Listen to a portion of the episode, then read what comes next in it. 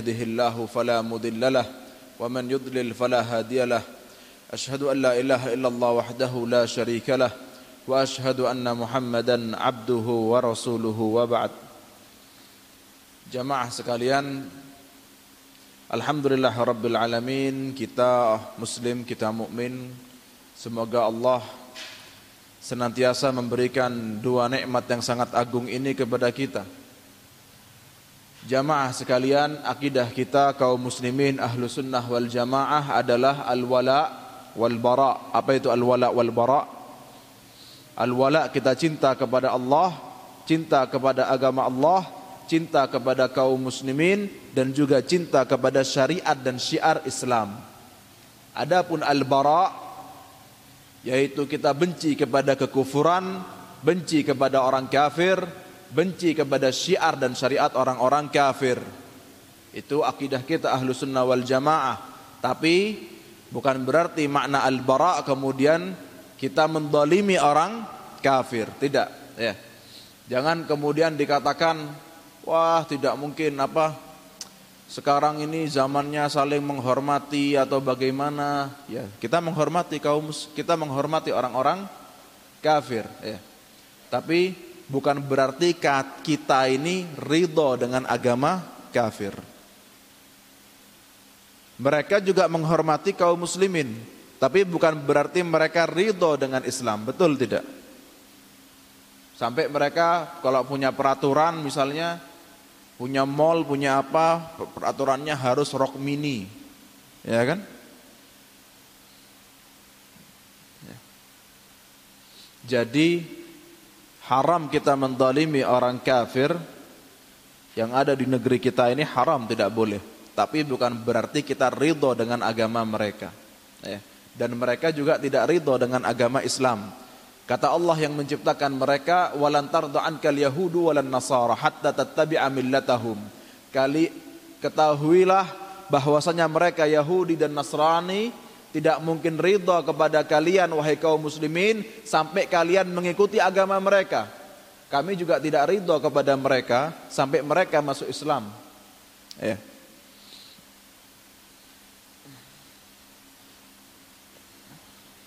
Taib. Jamaah sekalian, ini untuk kajian al-wala wal bara harus ada pengajian khusus ya. Agar kita ngerti tentang al-wala wal bara secara detail, apa hukumnya menjadi pembantunya orang kafir, apa hukumnya pergi ke negara kafir, apa hukumnya kerja di negeri kafir, apa hukumnya diplomasi dengan orang kafir. Ini ada pembahasannya. Ya.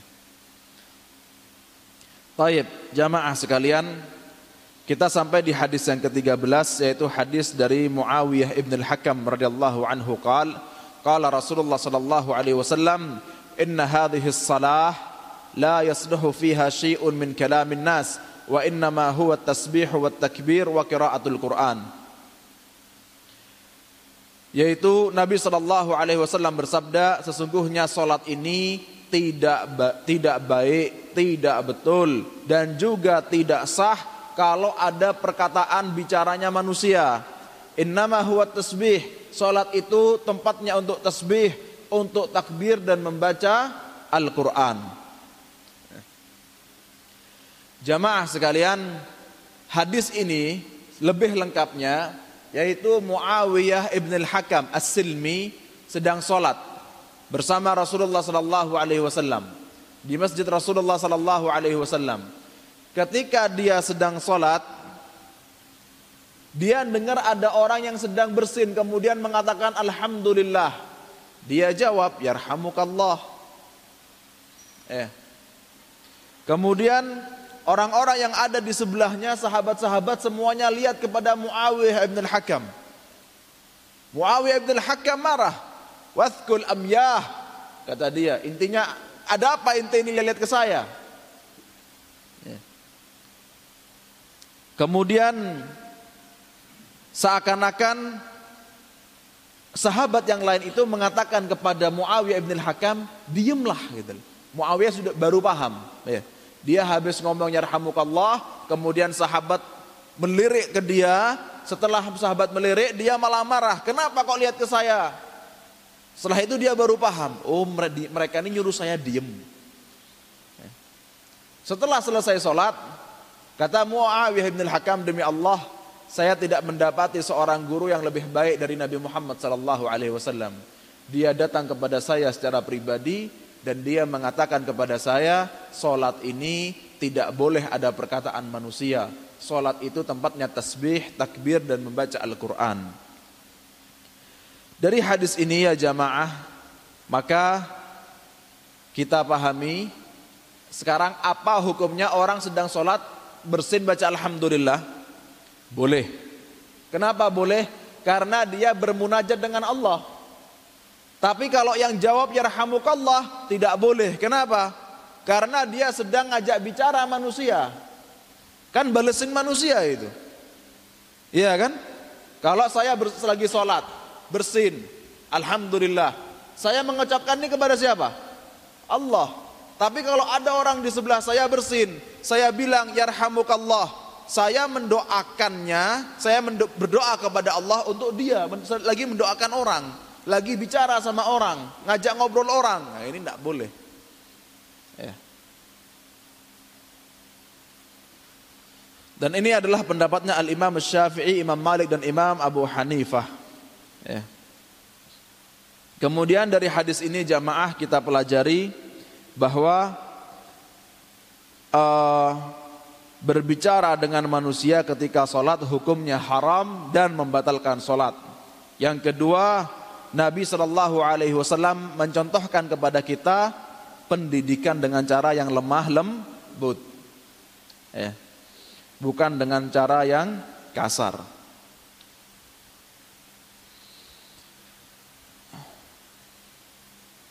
Dan pendidikan dengan cara yang lemah lembut ini harus selalu dipelajari. Ya, apalagi sekarang banyak pesantren berbasis fitrah. Ya, mereka punya jadi kalau pesantren dulu ya, saya itu kalau dulu di pondok dipukul pakai apa rotan keluar kamar osis itu merangkak. Cuman sekarang sudah tidak ada alhamdulillah.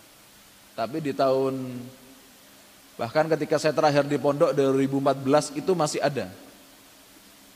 2014 2015 pakai rotan itu masih ada. Ya. Tapi mending, mungkin mukulnya dua kali. Ketika saya 2007 2008 terkadang satu malam dipukul 20 kali. Mukulnya itu bukan pelan, tangannya diangkat. Rotannya patah. Ya. Tapi sekarang alhamdulillah pesantren-pesantren sudah tidak menggunakan rotan lagi ya tapi biasanya menggunakan poin. Nggak kerasa dikeluarkan dari pondok. Karena banyak pelanggaran. Kemudian jamaah yang ketiga adalah anna tasmit al-atis fi salah manhiyun anhu wa annahu min kalamin nas alladhi yahrumu fi salah bahwasanya mengucapkan yarhamukallah termasuk dari berbicara dengan manusia yang hukumnya haram ketika salat dan membatalkan salat. Taib, hadis yang ke-14. An Zaid bin Arqam radhiyallahu anhu annahu qal Inna kunna lanatakallamu fi salati ala ahdi nabiy sallallahu alaihi wasallam yukallimu ahaduna sahibahu bihajatihi hatta nazalat hafidhu ala salawati was salati al-wusta wa qumu lillahi qanitin فأمرنا بالسكوت ونهينا عن الكلام متفق عليه واللفظ لمسلم Hadis yaitu dari Zaid bin Arqam radhiyallahu anhu.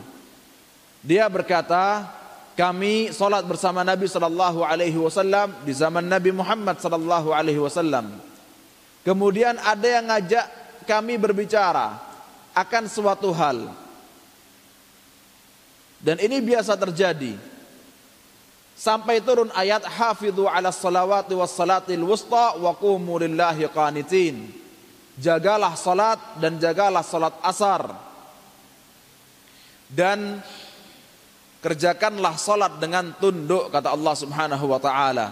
Dari ayat ini kata Zaid bin Arqam fa amarna bis sukut atau fa umirna bis sukut kami diperintahkan untuk diam dengan ayat ini maksudnya adalah kalau sholat itu jangan ngobrol lagi.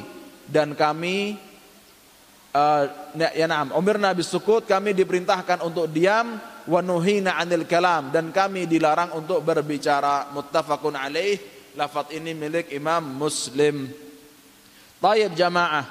Hadis ini sama seperti uh, hadisnya Abdullah bin Mas'ud.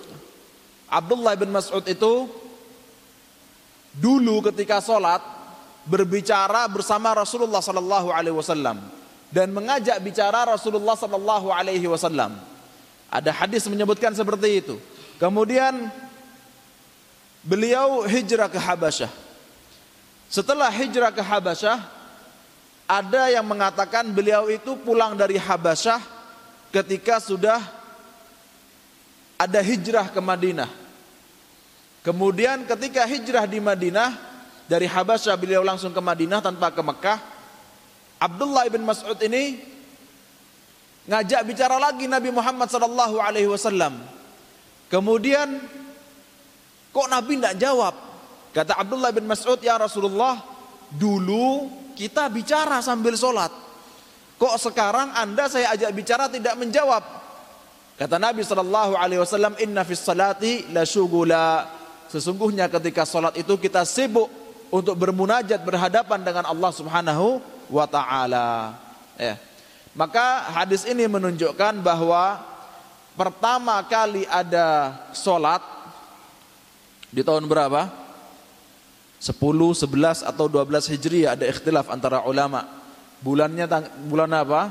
Ada yang bilang Rajab ataupun yang lainnya. Itu ketika peristiwa Isra Mi'raj.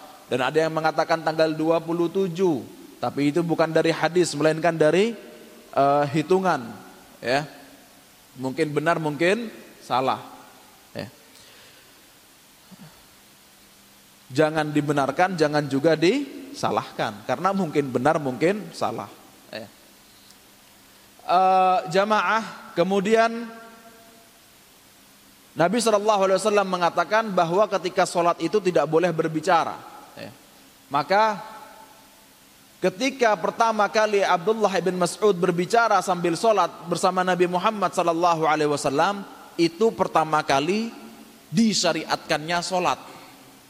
Tapi syariat sholat dari tahun 10 Hijriah sampai dari tahun 10 dari kenabian sampai tahun 10 Hijriah itu kan ada syariat-syariat yang bertambah, ada yang dirubah, ada yang ada yang diperbaiki, ya kan? Maka menunjukkan pertama kali disyariatkannya sholat itu boleh untuk bicara. Eh, tapi kemudian dilarang untuk berbicara. Eh, sama kayak dulu sebelum sholat boleh minum khamar. Ya kan? Sampai kemudian ada sahabat yang membaca kuliah ya ayyuhal kafirun terbolak-balik. Ya. Kemudian Umar bin Khattab mengatakan, "Ya Rasulullah, masa boleh sholat kayak gini?" Akhirnya turun larangan minum khamar sebelum sholat. Tapi masih boleh ya kan. Jadi dalam sholat itu intinya ada yang dulunya boleh kemudian tidak boleh.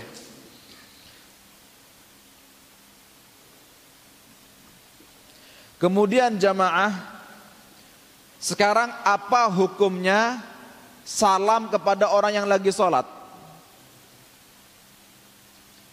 hukumnya salam kepada orang sholat ya. Antum lagi sholat misalnya berjamaah. Ada orang masuk assalamualaikum. Orang ini dosa enggak?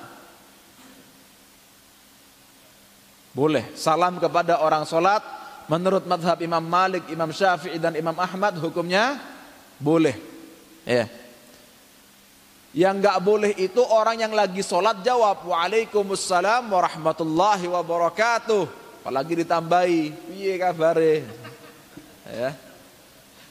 Sudah ini bubar sholatnya. Eh kemudian uh, kalau menjawab dengan lafat bagaimana ya itu yang tidak boleh tadi kita kita contohkan menjawab waalaikumsalam warahmatullah haram dan batal sholatnya kalau jawabnya dengan isyarah dengan petunjuk. Ya. Lagi sholat, Assalamualaikum. Dia jawab. Jawabnya dengan tundukan. Atau dengan tangan. Ya. Boleh. Sebagaimana yang dilakukan oleh Rasulullah sallallahu alaihi wasallam. Nanti ada hadisnya kita baca. Ya. Dan ini adalah pendapat jumhurul ulama bahwasanya orang solat boleh membalas salam dengan isyarat dengan dengan isyarat ya. Kemudian dijawab salam itu menjawab waalaikumsalam warahmatullahi wabarakatuh setelah salam. Setelah salam kanan, salam kiri, kemudian dijawab waalaikumsalam warahmatullahi wabarakatuh.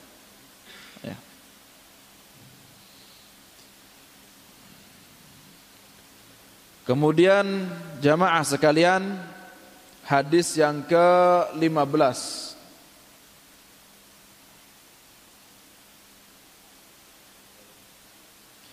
yaitu dari Abu Hurairah radhiyallahu anhu bahwa Nabi sallallahu alaihi wasallam bersabda at-tasbihu lirrijali wat tasfiqu lin-nisa muttafaqun alaihi zada Muslim fi salah bahwa Nabi Shallallahu Alaihi Wasallam bersabda at-tasbihu rijal.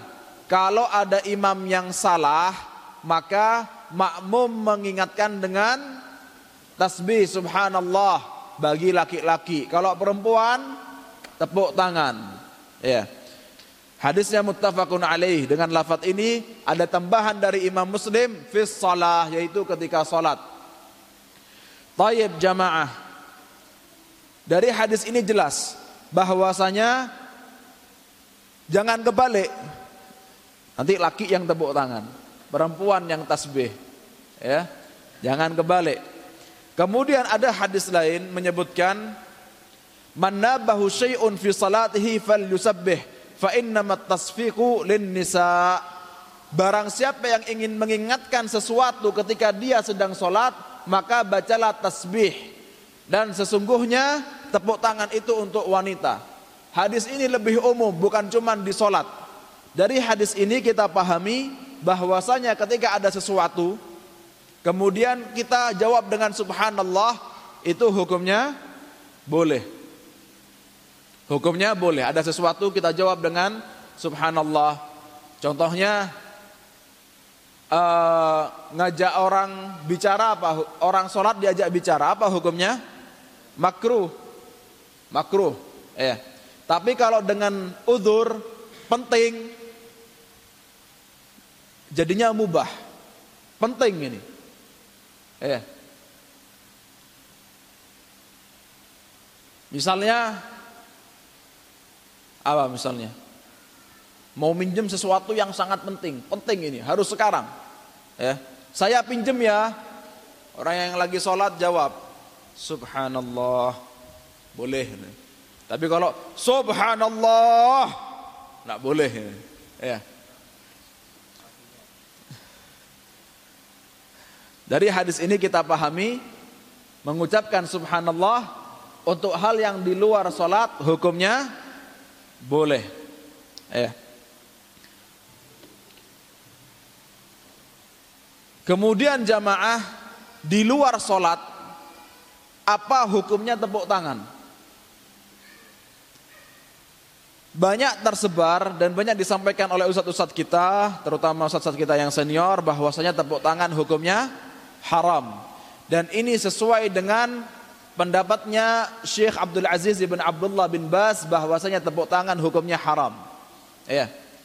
Karena Allah Subhanahu wa taala berfirman, "Wa ma kana salatuhum illa muka'an wa tasdiyah."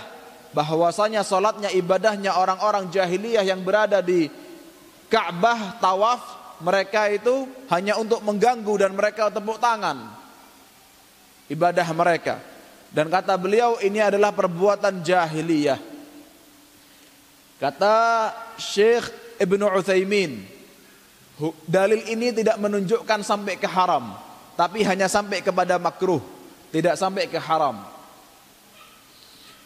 ada muridnya Syekh bin Bas sekarang menjadi dekan Fakultas Syariah di Universitas di Universitas Al-Imam Muhammad bin Saud.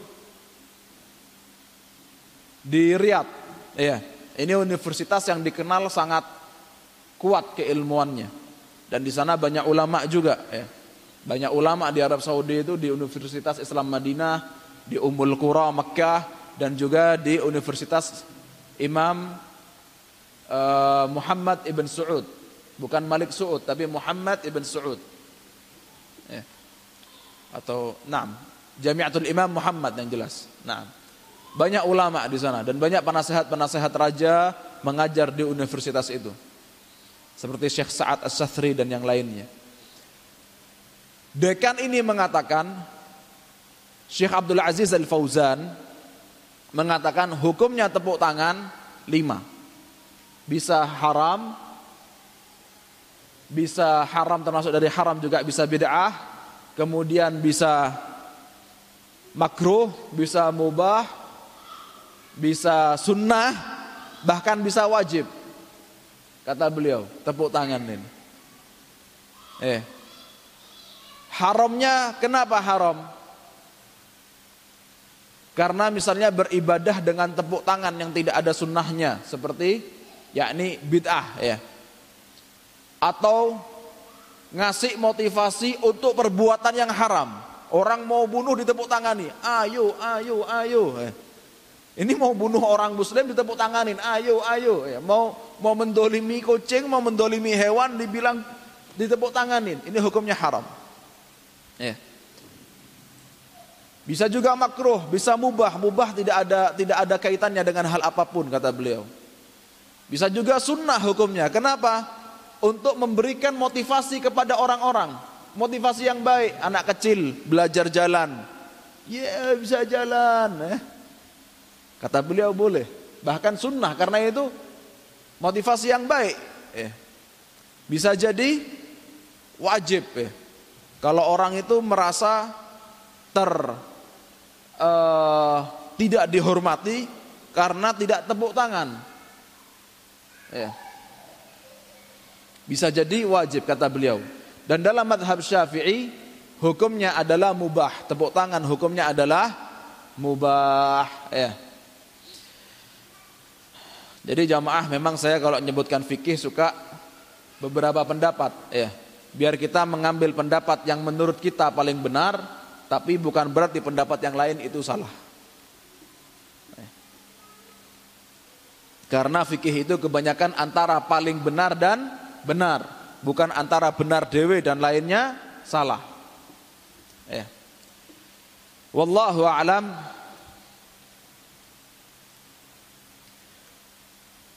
Saya lebih condong kepada pendapat Imam Syafi'i atau lebih condong kepada pendapat Syekh Abdul Aziz Al-Fauzan bahwasanya tergantung kepada keadaannya. Ya. Kalau yang disebutkan di ayat itu, mereka ini tepuk tangan, ya, tepuk tangan ketika tawaf untuk ganggu kaum muslimin yang sedang sholat, sedang ibadah. Ya, ya jelas ini haram. Jangankan tepuk tangan, Ketika antum baca Quran sebelahnya sedang sholat, mengeraskan suara apa hukumnya? Makruh. Kalau memang niatnya dolim ya haram. Biar orang ini tidak khusyuk sholatnya. Saya bacakan Al-Quran yang kencang, yang keras suaranya. Ya. Baca Al-Quran aja nggak boleh, apalagi tepuk tangan. Tapi kalau tepuk tangan untuk acara-acara yang lain, apa bukan untuk mengganggu maka hukumnya boleh-boleh saja. Kemudian mohon maaf disebutkan kata Syekh bin Bas ini per, ini adalah perbuatan jahiliyah e, dijawab sama banyak ulama bahwa ini bukan perbuatan jahiliyah. Kenapa? Kalau ini memang perbuatan jahiliyah, tidak mungkin orang sholat disyariatkan untuk tepuk tangan wanita. Ya kan? Masa wanita sedang sholat berbuat perbuatan jahiliyah? Masa itu jadi syariat? Ya. Maka yang lebih tepat wallahu a'lam hukumnya adalah tergantung keadaannya. Secara umum hukumnya boleh dan tergantung pada keadaan.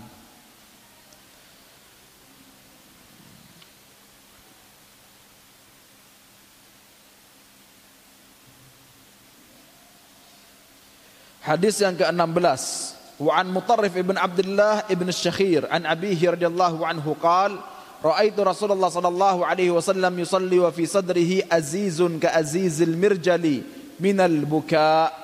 أخرجه الخمسة إلا ابن ماجه وصححه ابن حبان.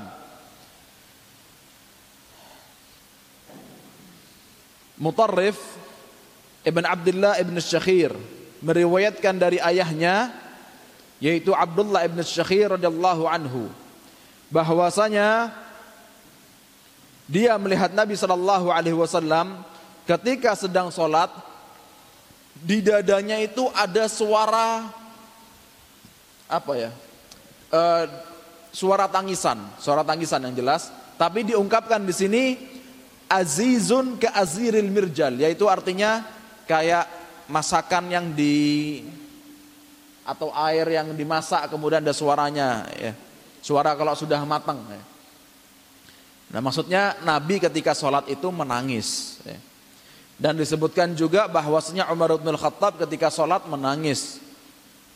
Abu Bakar radhiyallahu anhu ketika disuruh untuk menjadi imam sholat Kata ibunda kita Aisyah radhiyallahu anha, "Ya Rasulullah, jangan ayahku. Karena ayahku ini banyak menangis kalau sholat. Nanti tidak selesai-selesai sholatnya karena beliau ini menangis terus ketika sholat."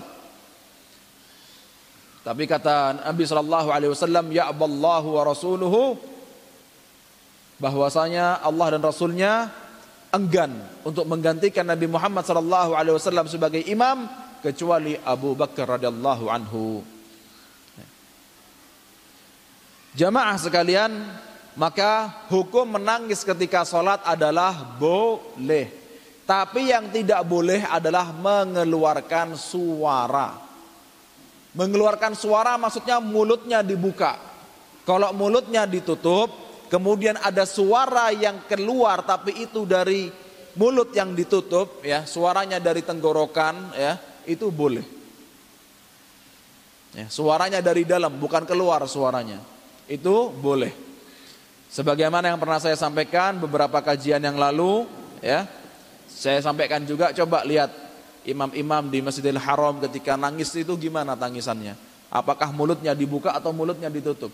Mereka nangis, terutama Syekh Sudes yang saya perhatikan lebih banyak menangis ketika menjadi imam, ya. Beliau kalau nangis mulutnya ditutup, tidak terbuka. Ya.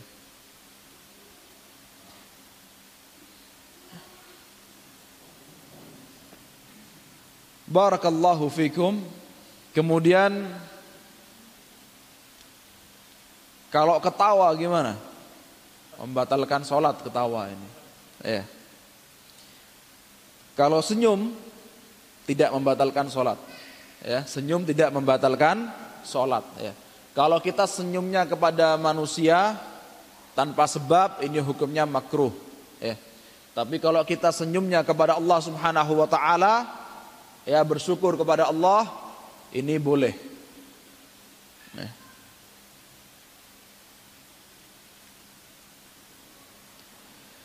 Kemudian hadis yang ke-17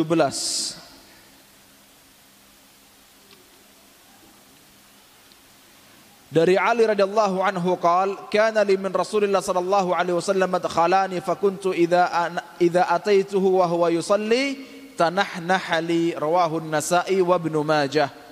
Bahwa Ali ibn Abi Thalib itu punya dua pintu untuk masuk ke rumah Rasulullah sallallahu alaihi wasallam. Dan beliau ini uh, kalau masuk ke rumah Rasulullah sallallahu alaihi wasallam Nabi itu kalau ngasih izin adalah dengan berdehem ya Hadisnya diriwayatkan oleh Al-Imam An-Nasai dan Ibnu Majah, tapi banyak ulama yang mendhaifkan hadis ini, termasuk Yahya ibn Ma'in mengatakan bahwa hadis ini munqati. Hadis ini munqati yaitu intinya munqati itu dhaif. Jadi antara rawi yang satu dengan yang kedua ini tidak pernah ketemu. Tapi kok bisa mengatakan rawi pertama saya mendengar dari rawi kedua, ya berarti ini munqati, terputus sanatnya dan hadisnya doif.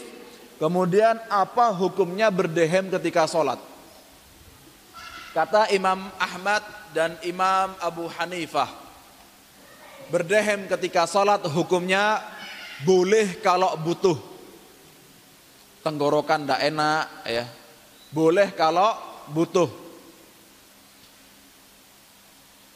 Kata Imam Syafi'i batal sholatnya. Boleh hanya untuk keadaan kalau kita tidak bisa mengucapkan yang wajib untuk diucapkan. Contohnya apa? Jadi imam baca Al-Fatihah. Al-Fatihah kan rukun. Kemudian nyampe ketika mau mengeluarkan suara untuk baca Alhamdulillahirabbil alamin Ar-Rahmanir Rahim. Habis suaranya, harus berdehem. Kata Imam Syafi'i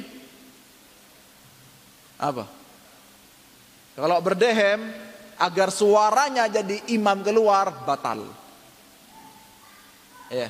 Tapi yang boleh itu gimana? Al-Fatihah ini kan wajib, rukun ya. Al-Fatihah kan wajib. Tapi kan yang wajib itu dengan sir, ada laf, ada talafud, ada sir, ada jahar. Apa hukumnya imam mengeraskan suara? Sunnah.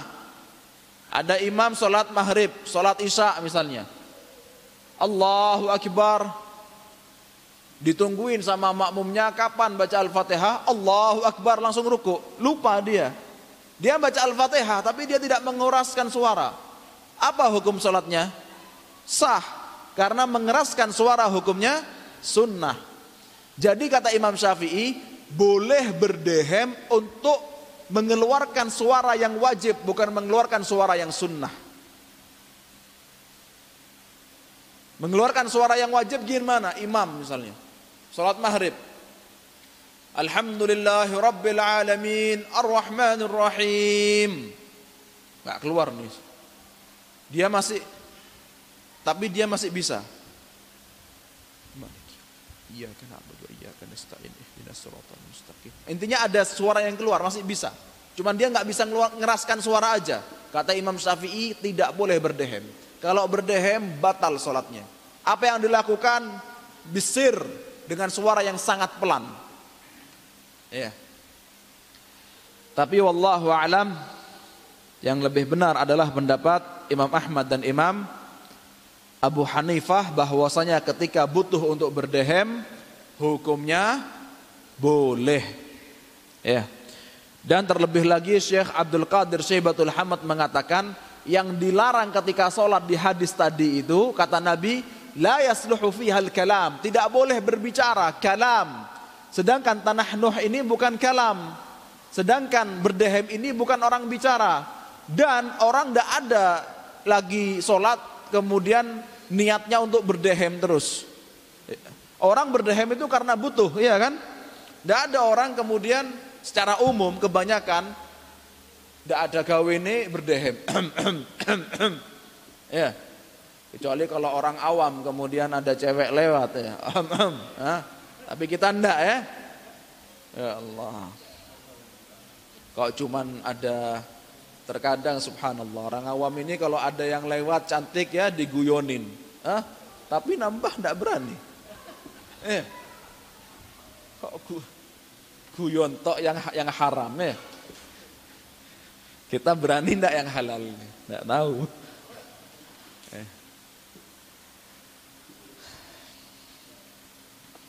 Taib.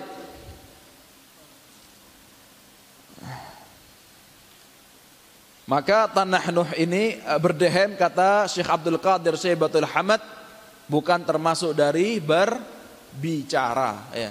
Dan secara umum orang tidak ada yang kemudian berdehem-dehem ketika sholat secara umum ya. Kecuali orang ketika sholat kurang kerjaan lain. Ya.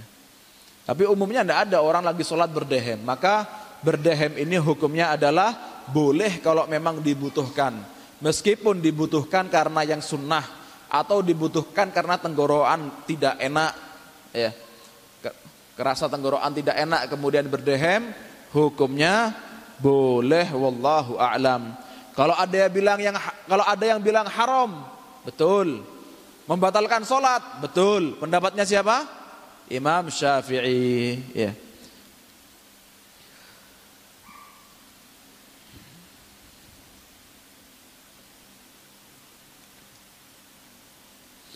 Kalau ada yang mengatakan haram dan ini membatalkan solat, berarti solat dia batal kalau berdehem.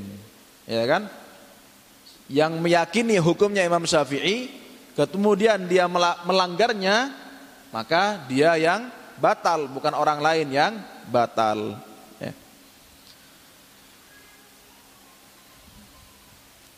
Tapi beda halnya dengan kalau antara kepercayaan makmum dengan kepercayaan imam dulu jamaah di tahun di tahun mungkin sekitar 1900 ya. Di Masjidil Haram itu sampai sholat itu bisa dua kali bahkan lebih. Di Masjid Nabawi sholat itu bisa bahkan dua kali karena lebih. Kenapa? Karena beda madhab dan semua madhab dihormati, semua imam madhab jadi imam. Ya. Di sana ada hal negatif yaitu seakan-akan sholatnya madhab yang lain itu tidak sah.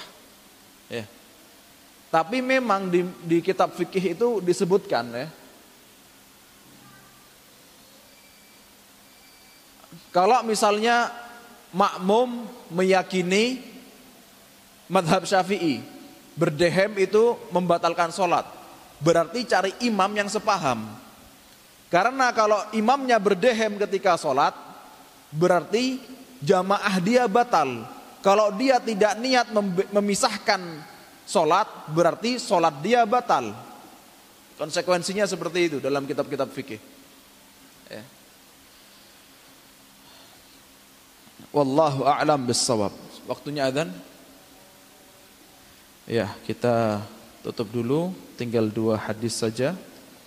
Kita baca setelah salat insyaallah. Barakallahu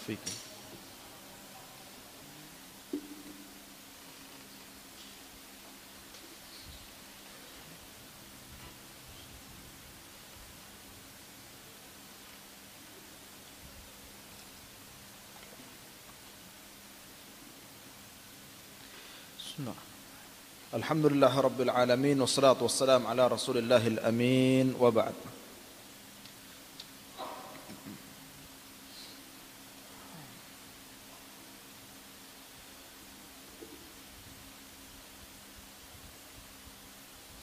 Naam jamaah kita sampai di hadis yang ke-18 dari Ibnu Umar radhiyallahu anhu maqal qultu li Bilal كيف رأيت النبي صلى الله عليه وسلم يرد عليهم حين يسلمون عليه وهو yusalli? قال يقول هكذا wa basata أخرجه أبو داود والترمذي وصححه Dari Abdullah bin Umar dia bertanya kepada sahabat Bilal ibn Rabah. Wahai Bilal, bagaimana engkau dahulu melihat Nabi sallallahu alaihi wasallam ketika beliau sholat, kemudian ada yang nyapa, ada yang salam kepada Nabi Muhammad sallallahu alaihi wasallam. Apa yang dilakukan oleh Nabi Muhammad? Maka kata Bilal bin Rabah radhiyallahu anhu, yang dilakukan oleh Nabi Muhammad sallallahu alaihi wasallam adalah disebutkan wabasata kaffahu. Apa? Kaf itu telapak tangan Awalnya digumpal kemudian di uh, apa? Ya diginikan ya. Dibuka gempalan apa? Ya, pertamanya digempal kemudian dibuka eh telapak tangannya.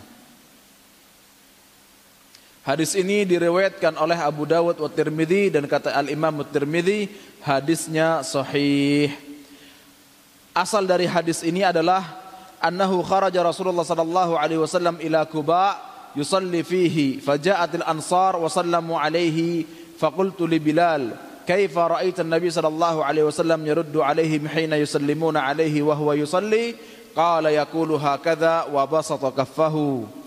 Lebih panjangnya isi hadis ini adalah yaitu ketika Nabi sedang datang ke Masjid Kuba kemudian orang-orang Ansor ini datang Ya, orang-orang Ansar datang ke Kuba dan mereka menyampaikan salam sedangkan Nabi sedang sholat. Abdullah bin Umar tidak melihat dan tanya kepada Bilal, Bilal bagaimana tadi tanggapan Nabi? Apakah Nabi diam atau bagaimana? Kata Bilal, yang dilakukan oleh Nabi Shallallahu Alaihi Wasallam adalah apa membuka telapak tangannya. Kemudian ada hadis lain menyebutkan Nabi mengisyaratkan jawaban dengan telunjuk jarinya, dengan jari, bukan dengan telapak tangan. Uh, jamaah, intinya banyak hadis sahih yang meriwayatkan bahwa Nabi Shallallahu Alaihi Wasallam memberi jawaban salam dengan isyarat tangan, seperti hadis yang diriwayatkan oleh Ummu Salamah dan juga hadis yang diriwayatkan oleh ibunda Aisyah radhiyallahu anha, Jabir radhiyallahu anhu yaitu ketika hadisnya Aisyah dan Jabir radhiyallahu anhu ini meriwayatkan yaitu ketika Nabi sallallahu alaihi wasallam dengan kaum muslimin. Tengah-tengah salat beliau tidak kuat untuk berdiri kemudian beliau duduk dan beliau memberi isyarat dengan tangannya agar sahabat ini duduk mengikuti imam. Sahabatnya kuat, sehat. Tapi karena imamnya duduk, maka juga ikut duduk. Intinya pembahasan kita saat ini, Nabi ketika sholat memberi isyarat dengan tangan. Ya. Tadi kita bahas hukum menyampaikan salam kepada orang sholat apa? Boleh. Hukum menjawab salam dengan lafat orang lagi sholat. Waalaikumsalam. Hukumnya haram dan membatalkan solat, tidak boleh. Kemudian kalau dengan isyarat, hukumnya boleh. Eh. Kemudian hadis yang terakhir yang ke-19 yaitu ah bukan yang terakhir. Apa Pak? Iya, kecepit nih. Hadis yang ke-19 dari Abi Qatadah radhiyallahu anhu Kana Rasulullah sallallahu alaihi wasallam yusalli wa huwa hamilu Umamah binti Zainab fa idza sajada wada'aha wa idza qama hamalaha. Muttafaqun alaihi wa li Muslim wa huwa ya'ummun nasa fil masjid. Yaitu dari Abi Qatadah beliau meriwayatkan Nabi sallallahu alaihi wasallam salat. Dalam riwayat Imam Muslim menjadi imam salatnya dan menggendong Umamah binti Zainab, anaknya Zainab. Umamah ini anaknya Abul As ibn Rabi'. Abul As ibn Rabi' suaminya Zainab binti Muhammad Rasulullah sallallahu alaihi wasallam. Ya. Jadi Nabi menggendong cucunya dalam keadaan solat. Kalau berdiri digendong, kalau sujud ditaruh, berdiri lagi diambil lagi. Jadi banyak gerakan, banyak gerakan. Ya. Uh, hadis ini menunjukkan bahwasanya banyak gerakan yang keadaannya darurat atau harus dilakukan dalam sholat hukumnya boleh. Ya. Imam Ahmad bin Hambal mengatakan boleh bergerak selama itu dilihat ini masih orang sholat. Saya punya teman-teman itu subhanallah dari orang-orang Arab Saudi itu ya apa kalau sholat gerak terus. Eh bingung saya. Ini nggak ada kerjaannya. Surbannya yang di surbannya nggak ada ada masalah. Cuman dipegang-pegang gitu. Nanti kancingnya kadang dipegang. Eh bagi kita bagi kita orang Indonesia itu sangat mengganggu. Karena kita diajarin sholat sholat itu tumak ninah. Tumak ninah yang kita pahamin adalah tidak boleh gerak. Yang bukan dari gerakan sholat. Iya kan? Kata teman saya apa? Iqbal, anak kalau sholat kayak ente tidak khusyuk. Eh. Terbalik. Ya. Tapi mereka yang sudah sholat ter, terbiasa seperti itu banyak gerak, bukan berarti mereka tidak khusyuk. Ya, kita lihat banyak imam-imam di Arab itu banyak geraknya, tapi ya khusyuk gitu kan. Ya. Karena Bukan berarti banyak gerak kemudian tidak khusyuk. Tapi lebih tumak ninah itu pastinya lebih menjaga kehusuan dan membawa orang kepada khusyuk. Ya. Kemudian jamaah harusnya mungkin kalau dibahas tentang apa uh, tumak ninah itu harusnya di pembahasan tentang rukun nanti ya tentang ketika sholatnya tumak ninah karena tumak ninah itu rukun sholat ya Tapi intinya kita bahas secara global saja. Hadis ini menunjukkan boleh banyak gerak kalau butuh. Contohnya apa? Ada yang mau masuk rumah kita atau mau masuk kamar ya. Kemudian butuh ini harus masuk sekarang. Ya kita jalan dua langkah, tiga langkah, kemudian menggerakkan tangan, apa buka pintu itu hukumnya boleh kalau butuh. Ya.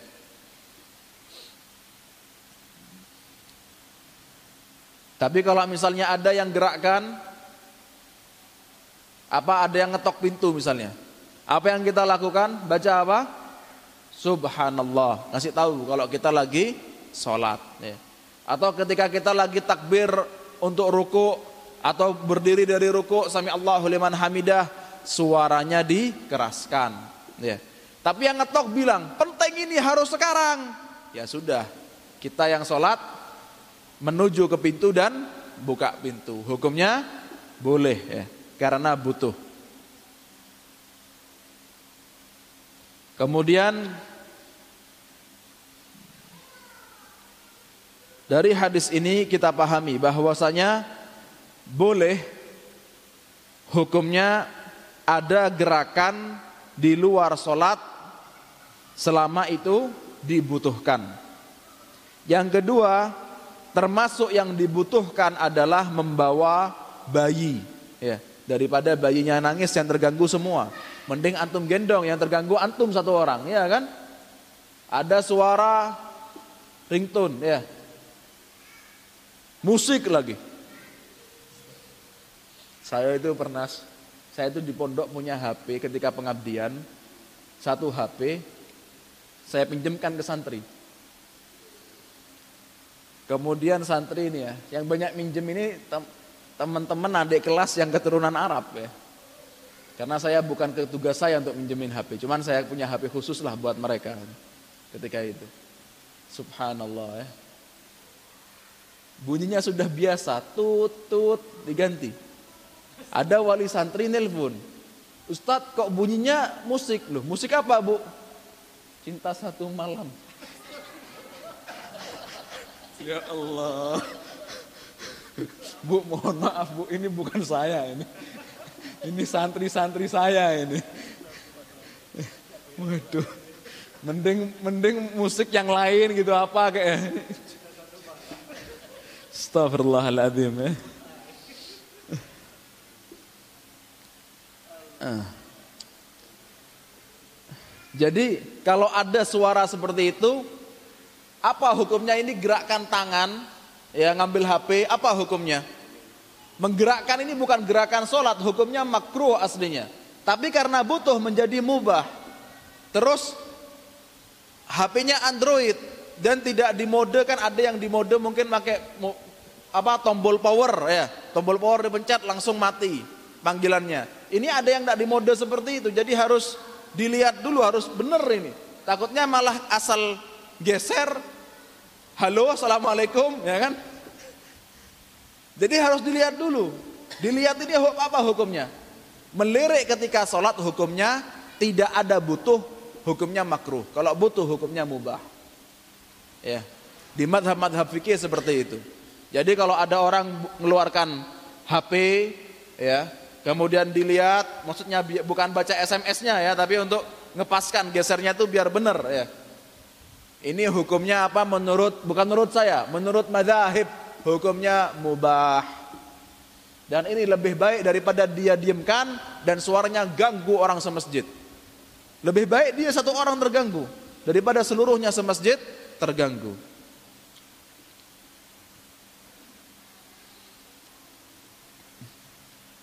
Kemudian hadis yang ke-20 wa an Abi Hurairah radhiyallahu anhu qala qala Rasulullah sallallahu alaihi wasallam uqtulul aswadaini fi salah al hayyah wal aqrab akhrajahu al arba'ah wa sahahahu Ibnu Hibban kata Nabi sallallahu alaihi wasallam kalau kalian salat kemudian bertemu dengan al aswadain yaitu ular dan juga kalajengking bunuhlah ya. Jadi gerakan ini gerakan salat bukan? Bukan tapi dikasih rukhsah sama Rasulullah sallallahu alaihi wasallam bunuh. Ya, daripada mudarat kepada kita, ular kemudian gigit ah, dan apa? Uh, kala jengking ya.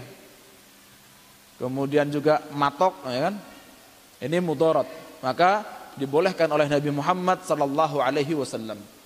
Kemudian jamaah di pembahasan yang lalu ada kaitannya tentang masjid dengan kuburan. Apa hukumnya? Sudah saya jelaskan tentang fikihnya masjid dengan kuburan. Ada masjid sebelahnya ada kuburan. Apa hukumnya? Hah? Masjid sebelahnya ada kuburan. Di luar masjid. Ya, di baratnya, utara, selatan, di timurnya ada kuburan. Apa hukumnya? Boleh Dalilnya apa? Sebagaimana sahabat menaruh kuburan Nabi Shallallahu Alaihi Wasallam di sebelah masjid, sebelahan langsung sama masjid, boleh. Ada kuburan di dalam masjid, sama aja. Ada di belakangnya atau di depannya, di sampingnya. Apa hukumnya? Makruh. Menurut siapa?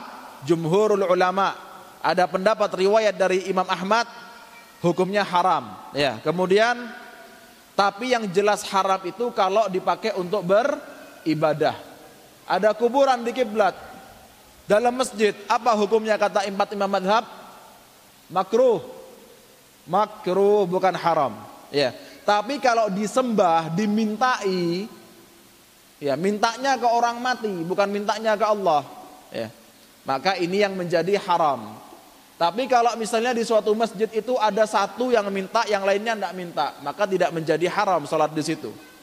Ya. Kemudian dalam fikih syafi'i dan fikih yang lainnya disebutkan tidak boleh membangun masjid di kuburan atau menaruh kuburan di dalam masjid. Kalau mau tanah wakaf ini, kuburan ini dipakai buat masjid, maka kuburannya harus dipindahkan semuanya.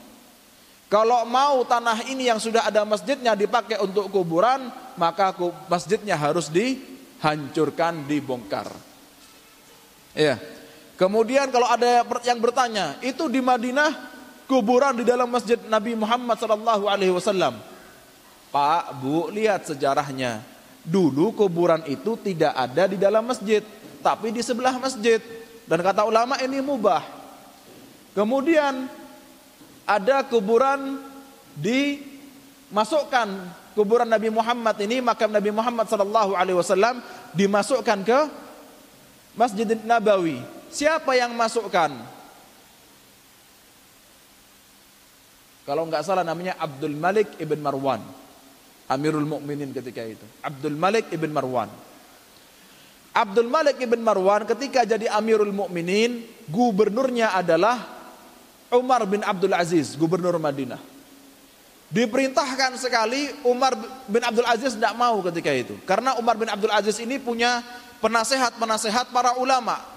Abdullah bin Mubarak dan yang lainnya, penasehat-penasehatnya. Apa? Umar bin Abdul Aziz. Ulamanya tabi'in itu menjadi penasehat gubernur. Ya. Mereka semua mengingkari perbuatannya Abdul Malik ibn Marwan.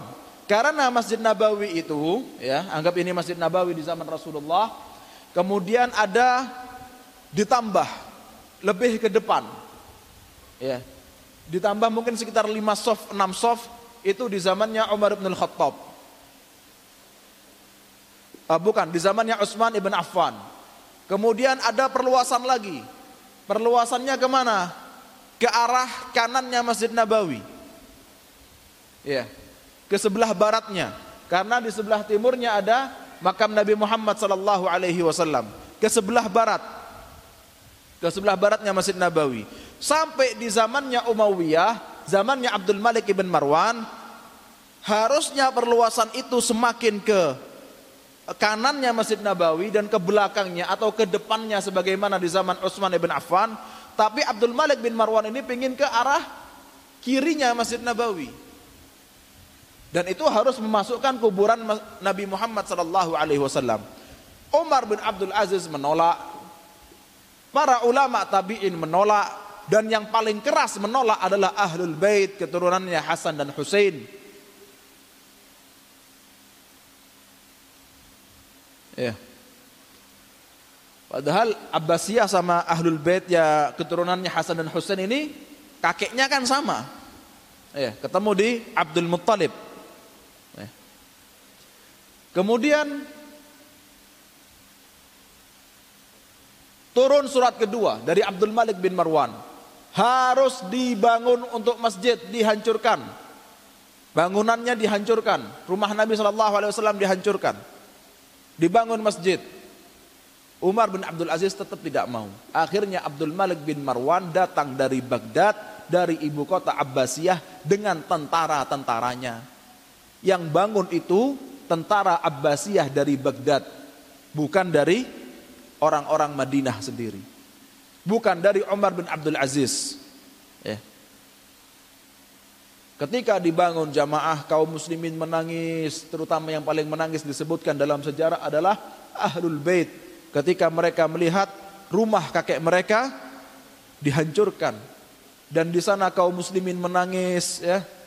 Kenapa rumah Nabi Shallallahu alaihi wasallam dihancurkan?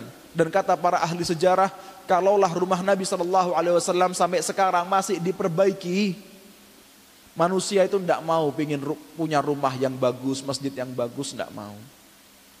Karena rumah Nabi cuma sekitar ukuran 4 kali 5. Rumah lo ya, bukan kamar. Rumah ukurannya 4 kali 5. Ya. Yang tadi kita bahas kalau Ali bin Abi Thalib masuk ke rumah Rasulullah, masuk ke rumahnya Aisyah radhiyallahu anha, yaitu bukan rumah yang luasnya sekarang berapa? Rumah KPR ini berapa? Paling kecil. Nah? Kalau nggak salah ada yang 35 mungkin. 36. Iya. Rumah Nabi cuma 4 kali 5. 20. Tipe 20. Ada rumah tipe 20. Ya subhanallah. Eh. Kalau manusia melihat rumah Nabi sampai sekarang, rumah Nabi itu masih diadakan dengan contohnya seperti itu. Manusia ini tidak ingin untuk kemudian punya dunia yang bermegah-megahan. Kaya boleh, tapi yang paling banyak sedekahnya, bukan kemegahan dia. Ya. Maka perbuatan Abdul Malik bin Marwan itu ditentang oleh Umar bin Abdul Aziz dan oleh para ulama tabi'in. Ya. Kemudian bukan untuk mengakalinya agar manusia tidak terjerumus kepada kesyirikan menyembah Nabi Muhammad, Nabi Muhammad ini datang agar manusia hanya menyembah Allah la ilaha illallah bukan menyembah manusia lagi. Dulu nyembah manusia namanya ada Lata, Uzza, Hubal ya. Jangan sampai kemudian Nabi Muhammad disembah. Akhirnya dibuat persegi lima. Akhirnya dibuat persegi lima. Kemudian kuburan Nabi Shallallahu Alaihi Wasallam itu ada tembok, ya. Sampai sekarang temboknya itu diperkuat terus. Dari zamannya Umar bin Abdul Aziz sampai sekarang tidak pernah diruntuhkan temboknya. Yang ada diperkuat. Jadi terkadang kalau di Masjid Nabawi itu ada bolongan-bolongan, ada apa? pagernya ya. Tempat untuk menyampaikan salam ke Nabi Muhammad sallallahu alaihi wasallam, ada bolongan-bolongan itu kadang orang ngintip-ngintip. Jamaah saya tak sampaikan. Itu tembok dalamnya. Ya, enggak usah ngintip-ngintip. Ya tembok tidak ada pintunya. Jadi itu tembok ya. Kemudian tembok ini ada ruangan. Ya. Nah, ruangan ini ada pintunya. Ya, tapi tembok ini tidak ada pintunya. Ya. Dan tembok ini diperkuat terus dari zamannya Umar bin Abdul Aziz sampai sekarang tidak pernah diruntuhkan.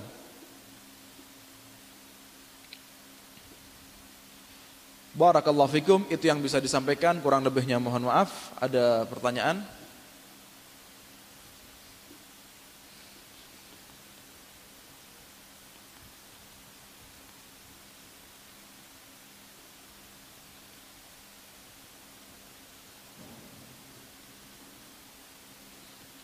Naam. Tahun lalu punya hutang puasa sekarang alhamdulillah hamil alhamdulillah semoga dimudahkan oleh Allah Subhanahu wa taala dan mendapatkan anak yang saleh atau salehah. Kemudian Ramadan lagi. Ya. Ramadan lagi tidak kuat untuk puasa. Sedangkan yang kemarin punya utang. Ya. Kemarin punya utang, sekarang Ramadan lagi atau menyusui tidak kuat untuk puasa. Maka puasanya tetap dikodok satu hari. Tidak berdosa.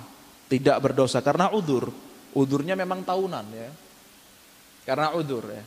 Dan uh, tapi kalau tidak udur ini tidak baik. Kalau tidak udur tidak baik mengakhirkan utang puasa Ramadan yang lalu sampai Ramadan yang setelahnya.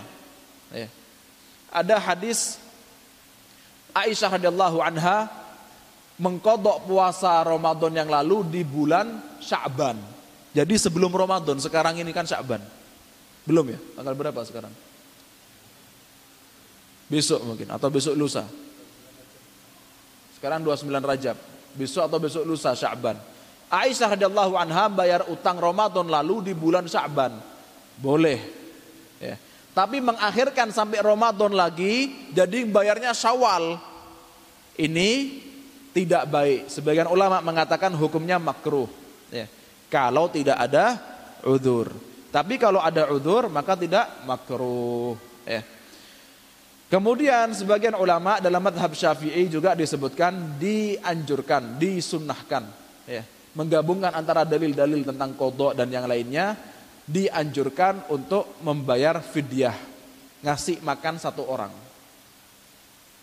Jadi puasa kemarin berapa? Ramadan kemarin berapa utangnya? Lima hari misalnya. Atau 30 hari. Sampai sekarang sampai Ramadan lagi tidak bisa bayar. Kemudian Syawal bisa bayar. Ketika Syawal itu juga sedekah untuk 30 harinya. Satu hari untuk satu fakir miskin. Ya. Barakallahu fikum. Sudah tidak ada pertanyaan lagi ya. Ini yang bisa disampaikan, kurang lebihnya mohon maaf. Wabillahi taufiq wal hidayah. Kita tutup dengan doa kafaratul majlis. Subhanakallahumma bihamdik. Ashhadu an la ilaha illa anta astaghfiruka wa atubu ilaik. Thumma assalamu alaikum warahmatullahi wabarakatuh.